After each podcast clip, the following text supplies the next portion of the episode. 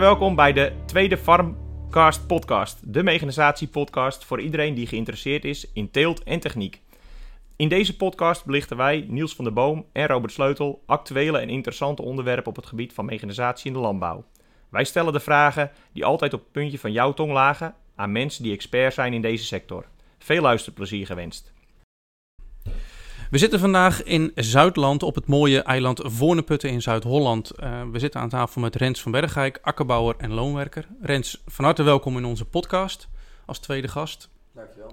Um, voor de mensen die jou niet kennen, kun je iets meer vertellen over jezelf? Uh, mijn naam, uh, die noem je al, Rens van Bergijk. werkzaam in het akkerbouw en loonbedrijf Gebroeders van Bergijk. Samen met mijn broer Mark doe de bedrijfsvoering.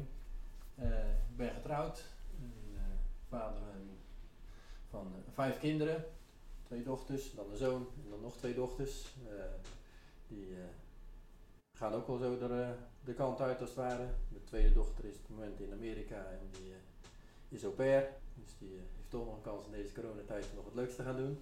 En mijn zoon die doet een technische studie en die weet ook mooi op het bedrijf hier te werken. Dus een klein stukje voortzetting is er ook.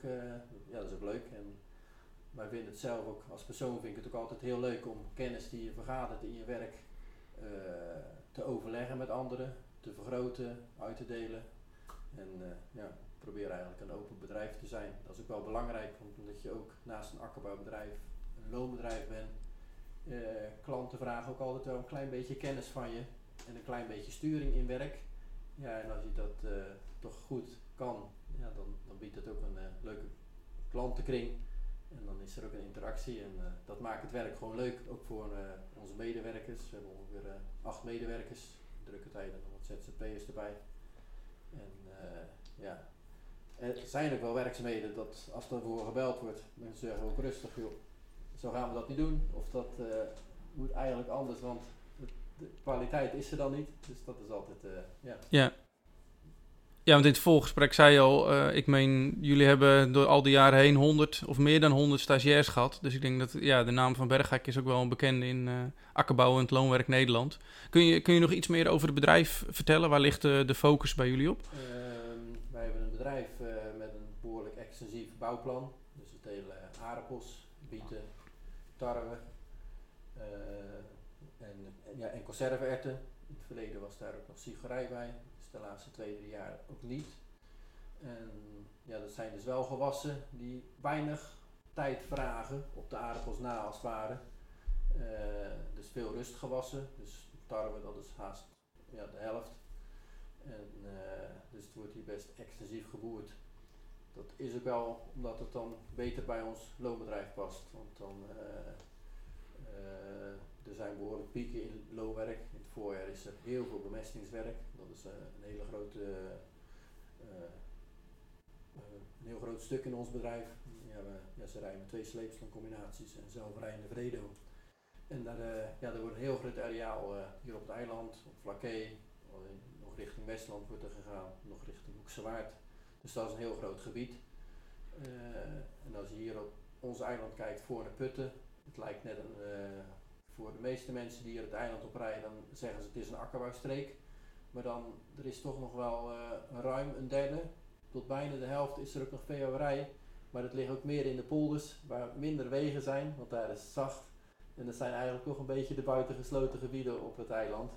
Maar daar uh, er zijn werkelijk nog wel percelen waar je nog ineens met een zelfrijdende vrede op een wijtje kan komen, want je zakt er gewoon weg. Dus het is een, een heel divers eiland ja. qua opbouw en uh, grondsoorten ook. Ja, en, en best wel verstedelijkt op, op plekken ook. En toch, ja, uh... eigenlijk liggen we onder de rook voor Rotterdam. Ja. Altijd wel, ja, ik ben blij dat het, uh, we hier in het zuidwesten zitten en het, uh, het waait meer richting het noorden. Dus de Europoort ruikt hier wat minder. Maar het, is, het wordt hier eigenlijk nooit donker. Nee. Alle verlichting van de industrie die achter ons zit. En um, wat ik nog niet heb genoemd is, we zitten vandaag met elkaar aan tafel om te praten over niet-kerende grondbewerking, NKG. Een term die nou, ik denk de laatste 15 jaar uh, te pas en te onpas overal voor wordt gebruikt. Misschien ook wel een beetje een ja, modegril in de sector is geweest. Je ziet het wellicht nu wat, wat weg hebben. Um, nou, je zegt in jullie excessieve bouwplan maak je daar eigenlijk volledig gebruik van. Maar afgezien van al die stagiaires, kennen heel veel mensen de naam nog uit de jaren 90, begin 2000 van de precisielandbouw die jullie destijds deden. Waar jullie behoorlijk fanatiek mee waren. Eigenlijk onderwerpen die we nu, 30 jaar later, ook weer tegenkomen. Hoe kun je misschien iets een beetje in historisch perspectief... Hoe is dat gegaan uh, van, van waar we nu zitten en waar komen jullie vandaan? Uh, even kijken, want eigenlijk in de tijd uh, dat ik op de Landbouwhogeschool in, in de Ronde zat, waren we hier ook behoorlijk actief met precisielandbouw. En dat vloeide ook wel voort. Toen zat mijn oudste broer Jaap van Bergijk, die, die studeerde in Wageningen. En uh, dan een stukje landbouwtechniek, uh, dat bracht hij ook wel mee naar huis als het ware. En uiteindelijk was daar ook een project, ze zouden ook een boerderij uh, heel specifiek gaan bekijken. Dus de starten ze al met grondmonsters heel intensief als het ware. Dat ze een, een bedrijf helemaal in kaart gingen brengen. Ze hebben geloof ik drie bedrijven toen genomen. En wij waren één bedrijf die daarin meedeed.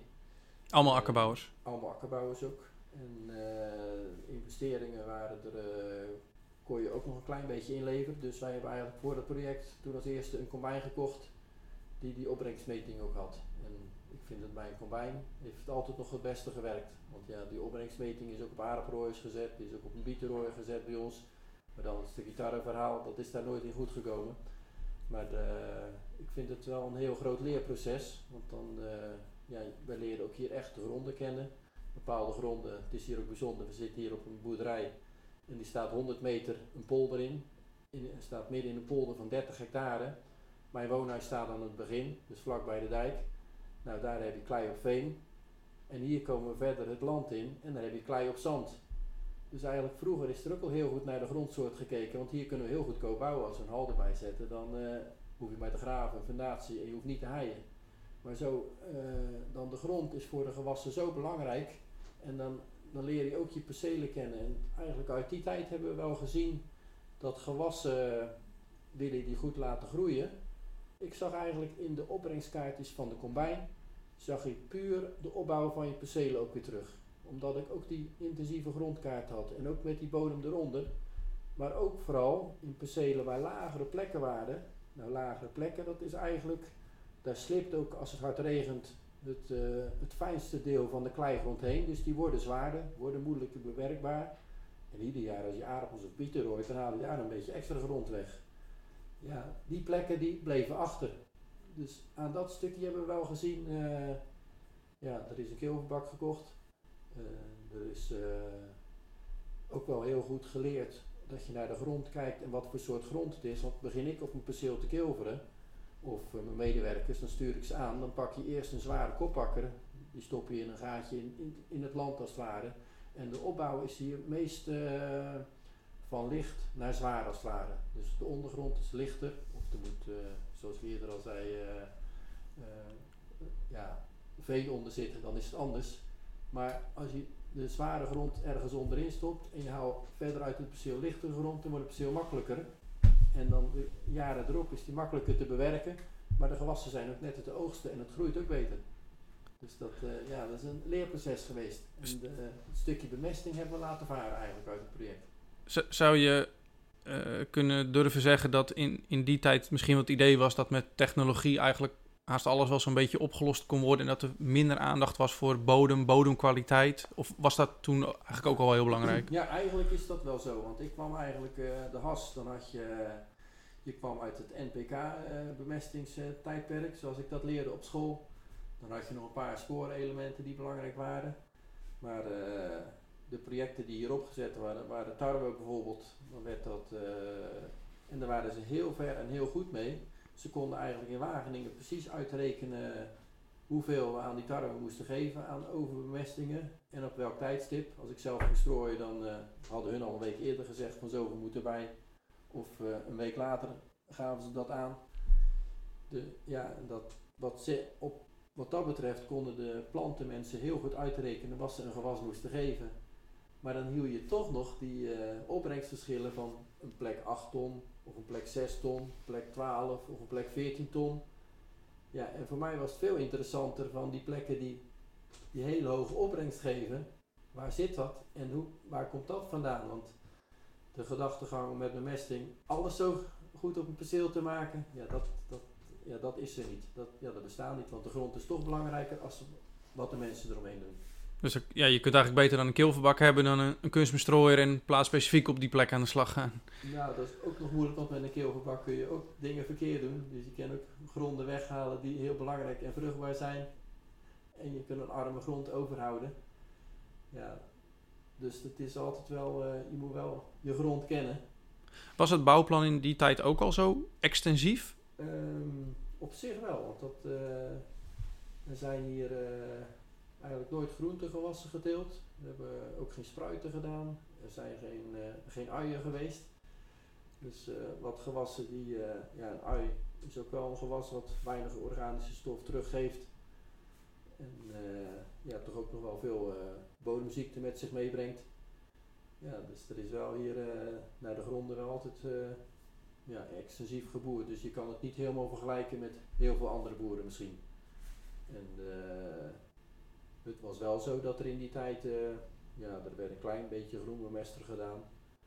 En vaste mest of organische mest werd er in die tijd dat ik uit school kwam eigenlijk niet meer gestrooid, want dat kostte tijd. En dat eh, kunstmest was veel makkelijker en veel goedkoper. Maar daar is een, eh, een hele grote kentering in gekomen. Je geeft aan extensief eh, graan eh, bijna 50% in het bouwplan.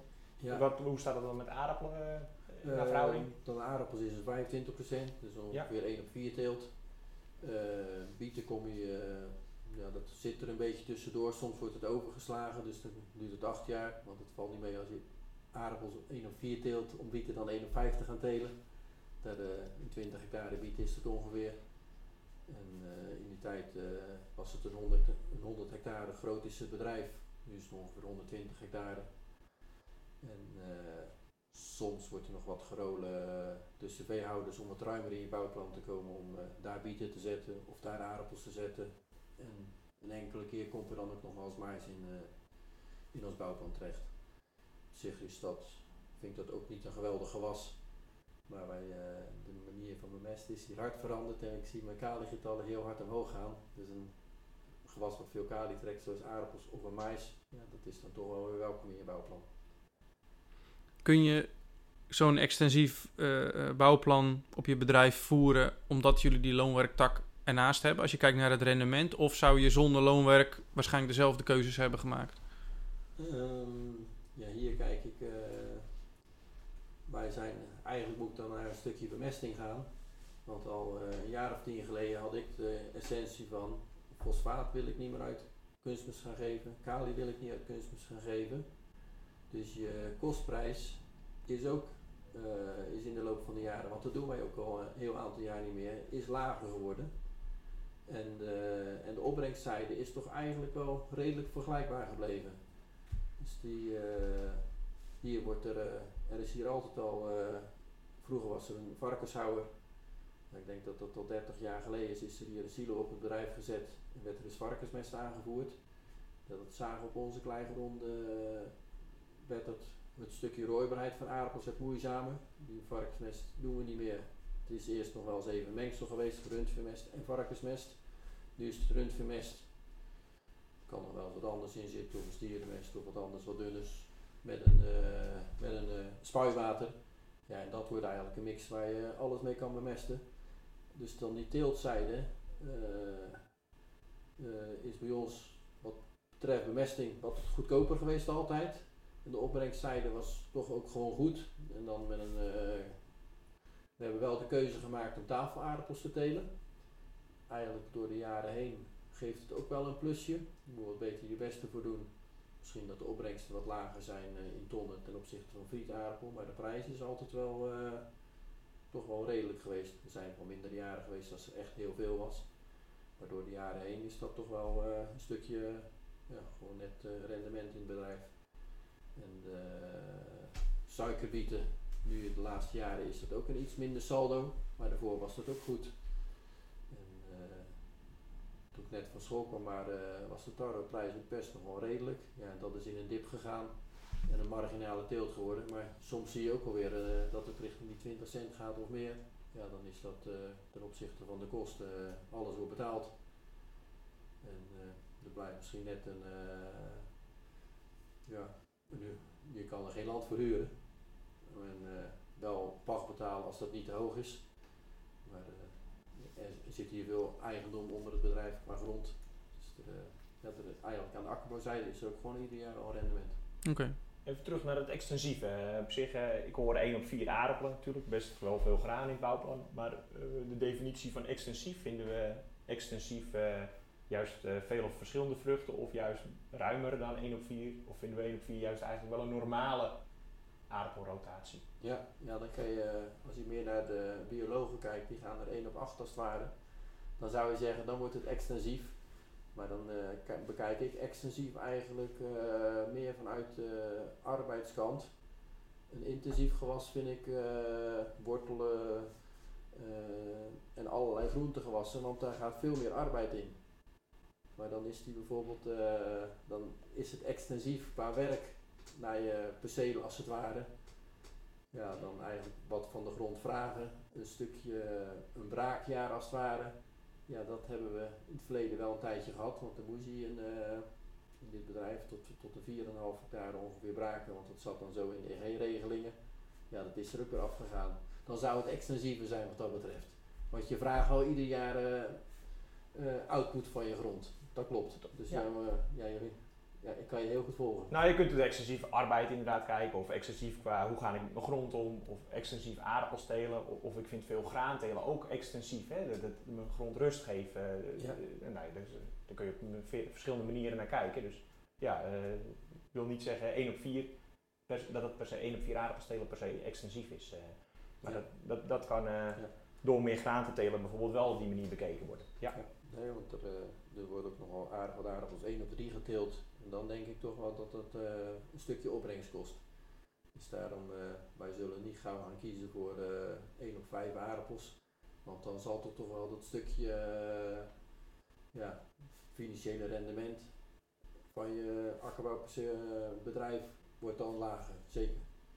En eigenlijk met de 1 op 4 teelt en aardig ertussen en ook de organische bemesting die ertussen zit, ja, dan zie ik gewoon uh, net de opbrengsten en is de kwaliteit ook goed. Uh, in het verleden, dat heb ik niet gezegd, is er ook wel uh, graszaad geteeld. Maar daar zag ik ook wel daadwerkelijk van dat ik meer vreterij had van slakken, ritnaalden. Dus dat is wel, dat is er weer uitgegaan. Want dan een graszaad heeft een iets meer beter rendement dan starwe. Maar dan de negatieve effecten ervan, ja, die, ja, die vond ik dat niet, dat, dat is dat niet rendabel voor je. Nee. Ik, uh, zelfs graszaad vond ik intensief. Want dan had je een gouden grasje wat je niet wenselijk was in je teelt. En dan moest je er met de hand nog wat uit gaan selecteren. Ja, dat, uh, dat paste niet op een bepaald moment in dit bedrijf. En misschien ook lastig om, uh, als je vervolgens aardappelen wilt telen, die graszoden weer netjes fijn te krijgen. Ja, nou, dan, uh, ja er is wel een vrees op het bedrijf om dat netjes door te mengen als het ware. Maar daar, ja, daar wordt niet meer voor gekozen. Nog heel even terug naar wat je, wat je net zei. Van je probeert onafhankelijk te zijn. Je wil eigenlijk geen fosfaat en kalium meer strooien in de, vorm van kunstmest. Uh, ik denk dat iedere akkerbouwer dan zijn oren spitst. Van, joh, hoe, uh, hoe doet hij dat dan? Kun je er iets uh, meer vertellen over geheim van de smid? Even kijken hoor. De stukje bodemkunde heeft me altijd ook wel vanaf de hals af geïnteresseerd.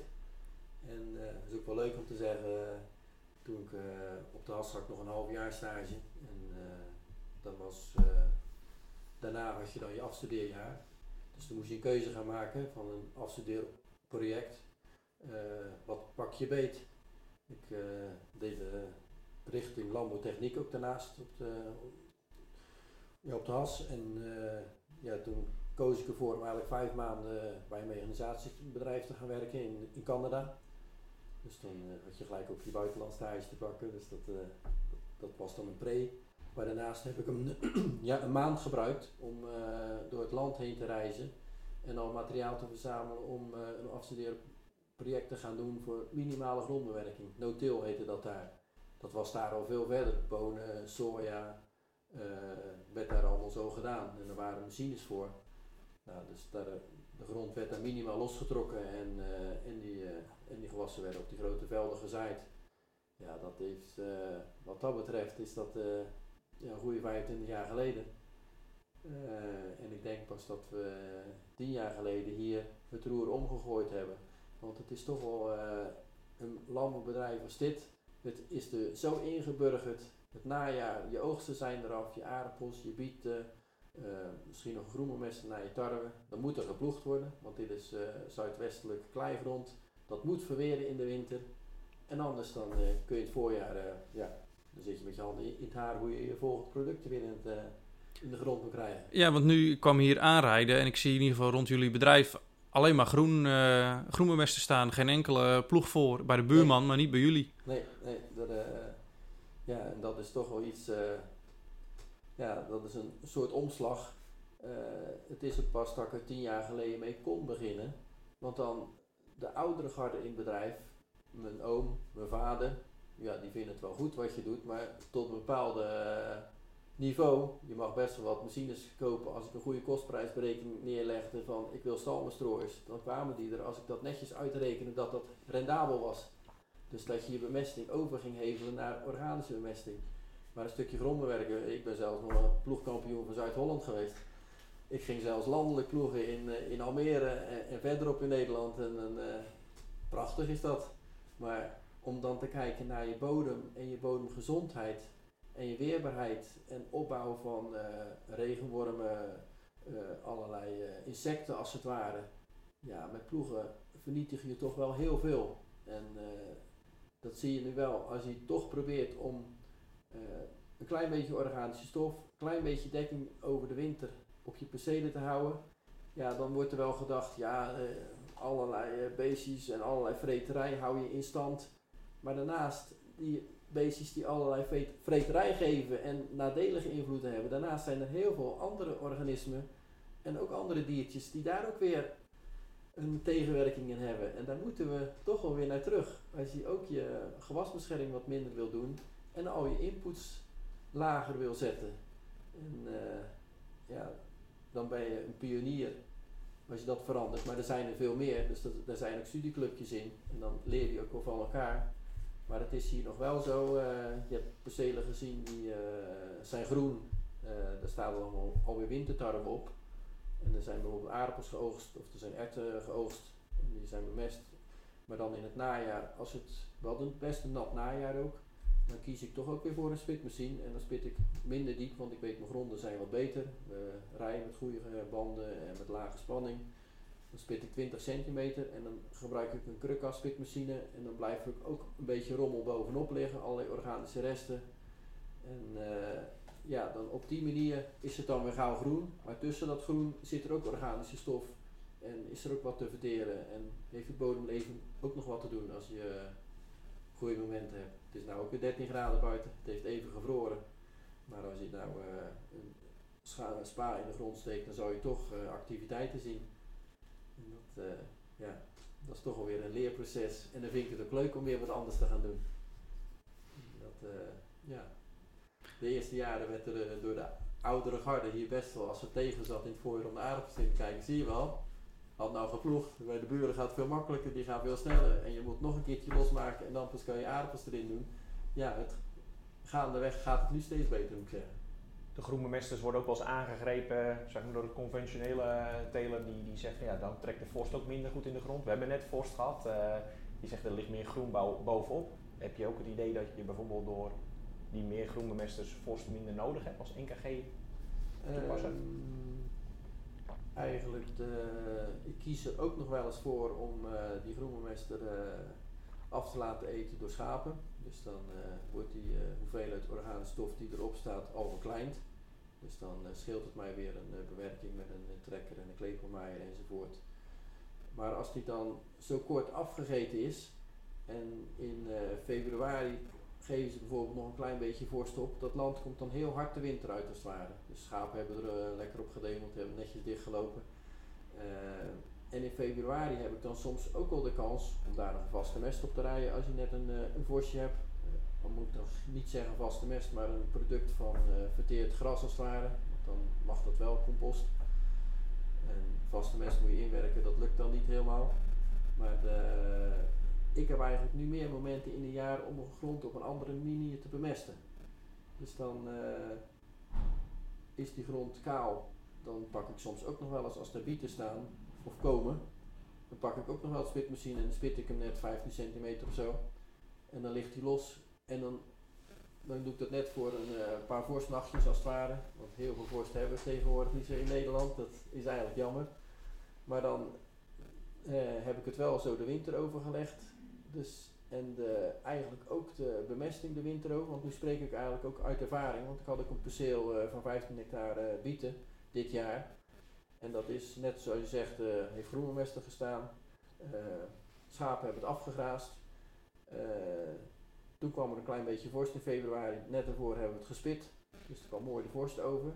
En na dat spitten heb ik de stikstofmonsters compleet over het perceel zelf genomen. Dus op 60 centimeter diepte. En die stuur ik dan naar de Eurofins. En daar kwam uit terug dat er nog een 150 N nalevering zou zijn dat jaar. Dus uit de groenbemester, uit de bemesting van die groenbemester die in het najaar gedaan is. En die schapen er nog op en de vertering van die groenbemester dat vrijkomt. Dus dit eigenlijk was dit het eerste jaar dat ik in zo'n groot perceel bieten besloten heb om geen bemesting te doen vooraf. En eh, die bieten hebben even ietsje minder groen gestaan, want na de, dat ze netjes opgekomen zijn is het even droog geweest. Eh, er zat ook nog een soort zebraproef in moet ik zeggen, want eh, ik heb twee e- elementen van een uh, bietenzaaimachine toen halverwege het perceel was leeggemaakt. In die twee elementen heb ik bietenzaad gedaan eh, met een, eh, met een eh, ras wat nog beter is tegen bladvlekkenziekte als het ware. Dus die eh, sterker zou zijn in het najaar en minder bespuitingen zou hebben. En ik zag dat die vier rijtjes, die komen dan naast elkaar, die waren ietsje donker. En de bieten die ik zelf gezaaid had, dat ras, die waren ietsje lichter geel. En een uh, Delphi vertegenwoordiger zei al, ja, helemaal niks geven, dat kan eigenlijk niet Rens. Je moet eigenlijk toch wel minimaal 25 en nog, uit, eh, nog een 100 kilo kas geven als het ware. Ik zei, ja, maar dat ga ik niet doen, want ik heb besloten dat ik niet meer ga bemesten, want ik wil geen kunstmest gaan gebruiken. Oké, nou ja, jij zin. Eh, dus ik zag wel dat het wel goed was, het perceel, want dat was toch meer een ras-effect. Dat het wat lichter groen was, die bieten, dat perceel. Ehm, daarnaast, ik heb een eh, kleine vercompostering opgezet. En die heeft een, eh, een 200 kub, nee, een 20 kub opslag van eh gierenwater als ware, of humuswater. Ik denk, qua, ik zal mijn uh, onkruidbestrijding, dan vul ik mijn spuit met dat gierenwater als het ware. Er zit een klein beetje N, er zit een klein beetje spoorelement in. Dan spuit ik dat wat eroverheen, en, eh 200 liter per hectare. Dus het is eigenlijk niks. Maar dan vul ik daar mijn spuit mee. Ik heb dat één keer met de onkruidbestrijding gedaan. Ik heb het twee keer met de bladvlekkenziektebestrijding gedaan. Heeft het verschil twee keer gehad. Ja, en er is 99 ton eh, bieten gegroeid. En eh, gemiddeld, uh, eerst was dat uh, 17% suiker, 16,9. Nou, dat is eigenlijk gewoon heel netjes. Dus dat, ja, eigenlijk over dat perceel, zo, zo zou ik verder willen. Oh, wat ik ook nog wilde vragen is even, nou, groenbemesters, als je nu kijkt naar de laatste 10, 15, is je glyfosaatgebruik fors gestegen dat je vaker daar in het voorjaar mee ingrijpt? Uh, dat is een goede vraag. Uh, in het verleden spoot men ook op het bedrijf. En dat is een spuiter die super goed naar het gewas keek en geen risico nam. En dus vo voldoende spoot en weinig problemen met ziekte of plagen heeft. En ik ben meer een spuiter ik neem wel risico. Uh, ik ga de uitdaging aan en ik gebruik graag minder gewasbeschermingsmiddelen. Dus dat geldt ook voor vliesfosfaat. En dat, uh, dan, uh, dan heb je nog wat meer mechanisch te doen. Soms wij kiezen voor een groenmester met een Facelia, met een wikker erin en een Japanse haver. Dan een Japanse haver, die kan het voorjaar nog een beetje moeilijk zijn. En dus in bieten stond er nog wel eens een beetje een havenplantje als het ware. Die moet je schoffelen, of, uh, want dan spuit je het ook niet meer dood. Maar uiteindelijk sterft het ook vanzelf weg. Het is even een visueel gezicht als het ware in het voorjaar. En, het schoffelt wat moeilijker, want het zijn lastige planten. Maar uh, ik ga er eigenlijk vanuit dat ik mijn groenbemesters, die ga ik niet spuiten met een, met een Roundup. Dat, dat probeer ik gewoon niet. En mijn percelen aardappels, daar is niet nodig. Um, erten heb ik afgelopen jaar wel gedaan. Want dan, uh, ja, dan kwamen er, die worden laat gezaaid. En dan zie je op zijn perceel erten zie je ook nog wat aardappelopslag staan. En uh, wat uh, wortelonkruiden. Ja, dan, da, ja dan, geef ik dat dan, dan kies ik dat moment. En dan heeft het nog twee, drie weken om er goed in te trekken. Dat ik van die bespuiting ook heel goed rendement heb, ja, dan gebruik ik Roundup. En probleempercelen, als er een uh, tarwestoppel is bij ons behoorlijk kaal, want ik uh, pers mijn stro ook allemaal. En als ik een perceel heb wat probleemonkruiden heeft, uh, wortelonkruiden, dan vind ik dat het moment dat je heel gericht even met Roundup een bestrijding kan doen. Dus dat gebeurt uh, zo nu en dan. Maar verder in deelt Roundup spuiten als de tarwe er nog staat, dat ga ik ook niet doen. Wij hebben geen graszaad, dus dan hoef je dat ook niet dood te spuiten. Want dat is ook best een moeilijk gewas om dood te maken. Verder is de bestrijdingsmiddelen gebruikt binnen dit bedrijf zo nihil mogelijk. Dus ook, okay. ook in de aardappelteelt. Aangaande ziektebestrijding bedoel je dan vertofterenbestrijding? Ja, uh, we kijken eigenlijk nu ook terug op een jaar uh, dat er best wel veel vertofterenbestrijding nodig was. Uh, dat er veel druk was. Het was vochtig, het was warm. Well, niet zo gek warm, maar vooral vochtig. De hele tijd. En toch vertrouw ik best goed op de middelen en hou ik mijn intervallen hoog. En ik start ook niet zo vroeg. en de doseringen breng ik een behoorlijk eind naar beneden. Als ik met een Sierland, als ze daar een, een halfje toeschrijven, dan start ik met een 0,3 en gebruik een behoorlijk fijn neveltje als het ware en spuit onder de juiste omstandigheden. Ja, dat vind ik veel belangrijker. En uh, kijk, we, we hebben een gecontroleerde teelt hier, Planet Proof in aardappels. Dus we mogen bijna 7 kilo actieve stof gebruiken. Ja, wij zaten dit jaar aan 3,6 kilo actieve stof dus ruim de helft. Ja, en, en daarnaast ja, dan lees ik in de krant berichtjes dat, uh, dat het moeilijk is en dat die norm verruimd wordt. Dat er, uh, dan denk ik, ja, dat is uh, niet, die kant moet je niet op met een gecontroleerde teelt. Als het dan, als het planet proof niet lukt, dan moet je daar gewoon een streep achter zetten en niet in een moeilijk jaar nog gaan verhogen. Ja, ik, ik kan niet altijd, daar ben ik niet mee eens met die, met die gedachtegang. Want dan moet je nog beter kiezen voor de middelen met weinig actieve stof. Die zijn dan ook duurder, maar ook vaak wel beter. Ja, dan moet je je keuze als agrariër uh, toch verleggen en, uh, en er toch voor gaan, vind ik. Ja. NKG wordt vaak in samenspraak gebracht met rijpaden of trendtracks, vaste sporen. Ehm, passen jullie dat ook toe? Of, ehm? Ehm, hier ja, dat is eigenlijk in onze kant uh, een stukje loonwerk. Uh, dan heb je gewoon gangbare machine nodig. En dan uh, vind ik de investering in rijpaden, ik vind het een hele prachtige investering als je dat in je bedrijf helemaal voort kan zetten, dat je onbereden grond hebt, want daar zie ik zeker een pre in. Ik denk dat dat opbrengstverhogend werkt. Zelfs voor je gezondheid van je grond is dat een enorme pre. Maar zelf kan ik dat niet rondrekenen binnen ons akkerbouwbedrijf en ook nog dezelfde machines gebruiken in het loonbedrijf. Want de laatste twee jaar is het bedrijf eigenlijk opgesplitst. Als akkerbouwbedrijf ben ik nou een klant van het loonbedrijf. Het loonbedrijf kiest uh, welke machines die kiest als het ware. En uh, het akkerbouwbedrijf krijgt een volledige loonwerkrekening binnen. En zelfs dan kunnen we nog een positief saldo halen. Dus dat is ook wel een bepaalde constructie. Maar de, ja, de keuze is hier toch wel toch trekkers kiezen. Ik gebruik graag de wat lichtere trekkers op het eigen bedrijf. Een 4 cilinder met banden van een 6 cilinder als het ware. Ja, cabine op blok, uh, alles een beetje groter. Dat je toch naar die half of zelfs 0,4 bar in het voorjaar uh, bezig bent om je land klaar te maken. En in het najaar uh, of kilveren 1,2 bar in die banden van die grote trekkers. Daar moet het werk allemaal mee gedaan kunnen worden. En daar uh, rooien, ook idem dito, die kan ook naar een bar. Uh, keepers vind ik nog een probleem. Want die zijn eigenlijk uh, een aardappeloogst. Ja, dan is het meest droger. Maar de keepers die daarvoor gebruikt worden, ja, dan, dat zit toch de, rond een 2 bars een band. En dan zijn dat nog de, dat is de zwakste schakel. En uh, ja, ik vind het eerder een perceel, zo nu dan moet je ook wel eens een kopend naar binnen kilveren. De percelen ik doe het ook in stapjes als het ware. Dus om de paar jaar wordt er toch een perceel wordt toch stevig aangereden, wou we zeggen, eh, om het perceel goed te krijgen of weer beter als de vorige keer.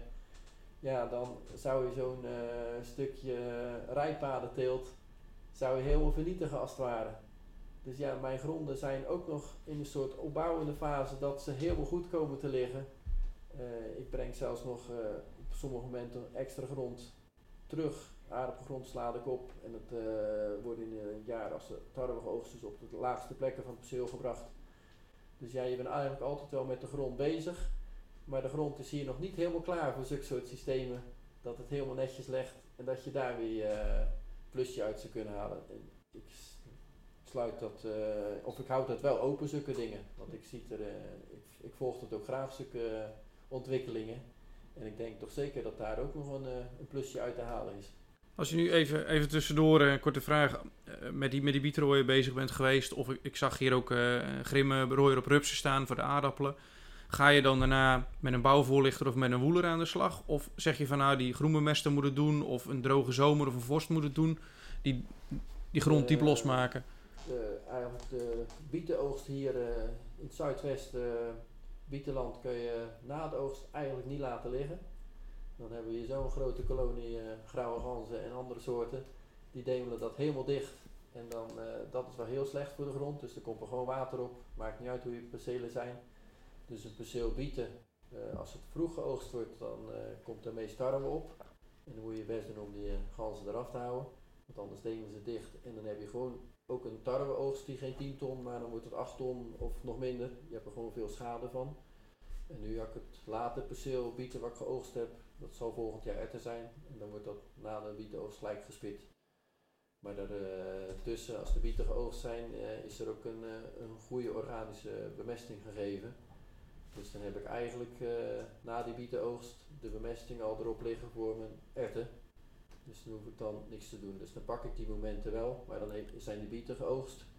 Uh, dan is er, uh, ja, ik denk dat toch haast wel 60 ton organisch materiaal door de strooiers uitgereden is. Als je praat over organisch materiaal, is dat dan in hoofdzaak stalmest, compost? Wat, wat gebruik je het meest? Dat zal 70% gras zijn uit natuurgebieden en uh, langs bermen.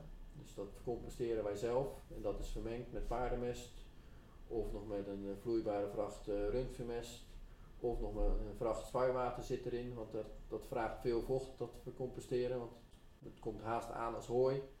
Ja, en dan, dat is toch ook wel een leerproces bij ons geweest. Dat moet een vrij vochtig product zijn om goed door te verteren. En dan lukt het me om in vier maanden net een product te hebben wat je kan verstrooien. Dus dan is het een wat moeizamer verstrooibaar product. Nog niet helemaal, is nog best wel een beetje lang gras erin. Maar dat mag het bodemleven in de winter uh, beetpakken en, ja, en, en, de wormen mogen dat naar beneden trekken. Maar dan moet de grond mag geen water staan, dus dan is het daarna net opengespit. Ja, en dan staat daar dus geen groenmesten, maar er ligt wel een aanzienlijke hoeveelheid organisch materiaal nog boven tussen die uh, bonkengrond uh, ligt te verteren. Okay. Ja, dan, dan til ik dat zo de winter over als het ware. En dan uh, vertrouw ik erop dat er nog net voldoende in zit om een uh, net erwtengewas te telen. Vraagt ook niet zoveel. Het, uh, het is zelf ook een stikstofbinder. Ja. Dus er zijn allerlei manieren hier om dat toch beter te pakken. En, ja, een bietenoogst, ja, dat gaat ook niet op, op rijpaden. Dat hebben ze ook nog niet helemaal uitgevonden. Dat, daar kun je ook niet naartoe. Liggen je spuitsporen wel op vaste rijpaden? Of, of, probeer je dat? Of is dat, uh... uh, dat, dat zou misschien mooi zijn, maar ik, uh, ik heb een vrij lichte zelfrijdende spuit. En eh, bij aardappels kies ik voor 3 meter bloemenrand eromheen. En tarwe staat er anderhalve meter bij vandaan. Dus dat spoor dat schuift toch een heel klein beetje heen en weer als het ware. En we hebben ook wel vrij grote percelen, die zijn bijvoorbeeld 15 hectare groot. Maar dan spuit ik bijvoorbeeld uh, als er tarwe staat of als er erwten staat, dan rij ik uh, met, uh, met de weg mee en dan is het stuk 600 meter lang. Maar als ik bieten daarin zaait, dan, dan doe ik die bieten haaks op de weg, want dan is een rondje 600 meter en is precies de bunker vol. Dus dan werk je daar weer haaks op. Dus dat varieert ook in je teelten. dat is met aardappels eigenlijk ook zo, want dan kan ik ervoor kiezen om weinig met bietenrooien op het land te komen. Want dan hoeven ze maar net een 40 meter uh, het perceel in met een, met een wagen of met een overlaatwagen. Ze maken vol en op de koppakker wordt hij weer overgeladen. En dat is met mijn aardappels ook. Dan, kies ik er ook een beetje voor dat of het is een gang met een rooien, dan is de keeper blijft op de koppakker of hij rijdt de laatste 25 of uh, 30 meter mee in de gang. Dus dan ik kies mijn percelen zo om te oogsten zoals dat eh, voor het land het makkelijkst is. Dus daar varieer je in. Ja, precies. Het NKG wordt eigenlijk praktisch toegepast naar, eh, naar landbouwkundigheid. eh. Ik, vind de NKG hier in het bedrijf geeft mij de mogelijkheid om eh, toch te rijden op een perceel, ook in het voorjaar. Want gewas als aardappels, die krijgen in het voorjaar een, krijgt in één keer zijn dosis vloeibare mest met spuiwater. Dus daar reken ik uit zoveel spuiwater hebben we gehad. Als ik eh mellen die teelt, die vraagt een 200 N. Ik kijk eigenlijk niet meer naar kalium of fosfaat. Ik kijk naar de N-behoefte van een gewas. En dan neem ik een monster van mijn mix die ik heb staan. En dan moet ik bijvoorbeeld, eh, mijn, eh, als er eh 7 N in zit, nou, dan reken ik wel dat er ongeveer eh 80% eh, van gebruikt wordt als het ware. En 20% is verlies. Of dat neem je mee eh, verder eh, door het jaar heen. Maar daar, eh, dan geef ik dus eh, pakweg een 25 kuub voor Melodies. En de Challenger vraagt 300 N. En dan geef ik eh, 35 kuub van die mix aan de Challengers. En dan, eh, ja, daar, daar groeit mijn aardappelgewas dan op. Dus dan is er verder, is er één keer een bemesting in het voorjaar over die vastgelopen groenbemester door die schaapjes. Ja, en die, daarna wordt zo'n groenbemester wordt met een woeler net opgetrokken, wordt geroterd, dat hij net fijn genoeg is. Soms wacht ik een dag of twee, dat hij net een beetje, eh, als hij een beetje vettig is, eh, een beetje opdroogt. En dan is het vrezen poten. En dan, eh, meest heb je dan nog wel, als ik naar mijn collega's kijk, een bed waar wat meer kluiten in zitten. Maar er zijn toch kluiten waar een worteltje doorheen groeit en eh, die gaandeweg in de teelt gewoon weer uit elkaar vallen. En dan zie ik eigenlijk dat ik met rooien houdt het niet meer op als bij een ander. Dan, dan is het weer vergelijkbaar als met een, een geploegde of helemaal gespitte teelt. Dus dat is een Ja. stukje ervaring. En eh, in het verleden probeerde ik ook wel alleen te frezen en te poten. Maar daar is onze zware kleigrond, eh, als dan na het poten een regenbui valt, dan heb je 5 centimeter eh, diep losgemaakt als het ware. Daar ligt die poot erin. Als er veel water valt, de grond raakt verzadigd, ja, dan heb je toch even een vals plekje eigenlijk in je grond.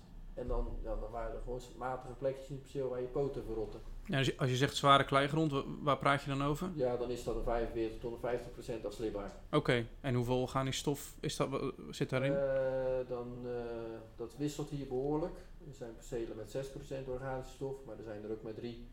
Is, is dat de laatste jaren behoorlijk omhoog gegaan nu je zo intensief met die... Eh, ik zie het eigenlijk een, een tiende steeds stijgen. Om de vier jaar is er hier een grondmonster. En dan stijgt eigenlijk de organische met een tiende. En soms wat meer, soms ook wat minder. Maar dan heb ik er heel veel grond uit een bouw, uit een perceel bijgebracht. Eh, eh, omwille van de tijd wil ik naar een, eh, een afronding toe eh, werken. Ik, hoor je praten over... ehm, je voert geen, geen kali, geen fosfaat meer aan vanuit kunstmest. Organische meststoffen, niet meer ploegen. Eh, minder gewasbescherming. Het rendement blijft eigenlijk toch wel eh, staan als ik, het, eh, als ik het zo hoor van je. Eigenlijk is het, als je het even heel staccato hoort, het, het ideaalbeeld ook wat, wat in Brussel bedacht wordt voor de landbouw. Van zo, zo moet het. Minder middelen, minder kunstmest, toch rendement. Die bodem is blij, die boer is blij.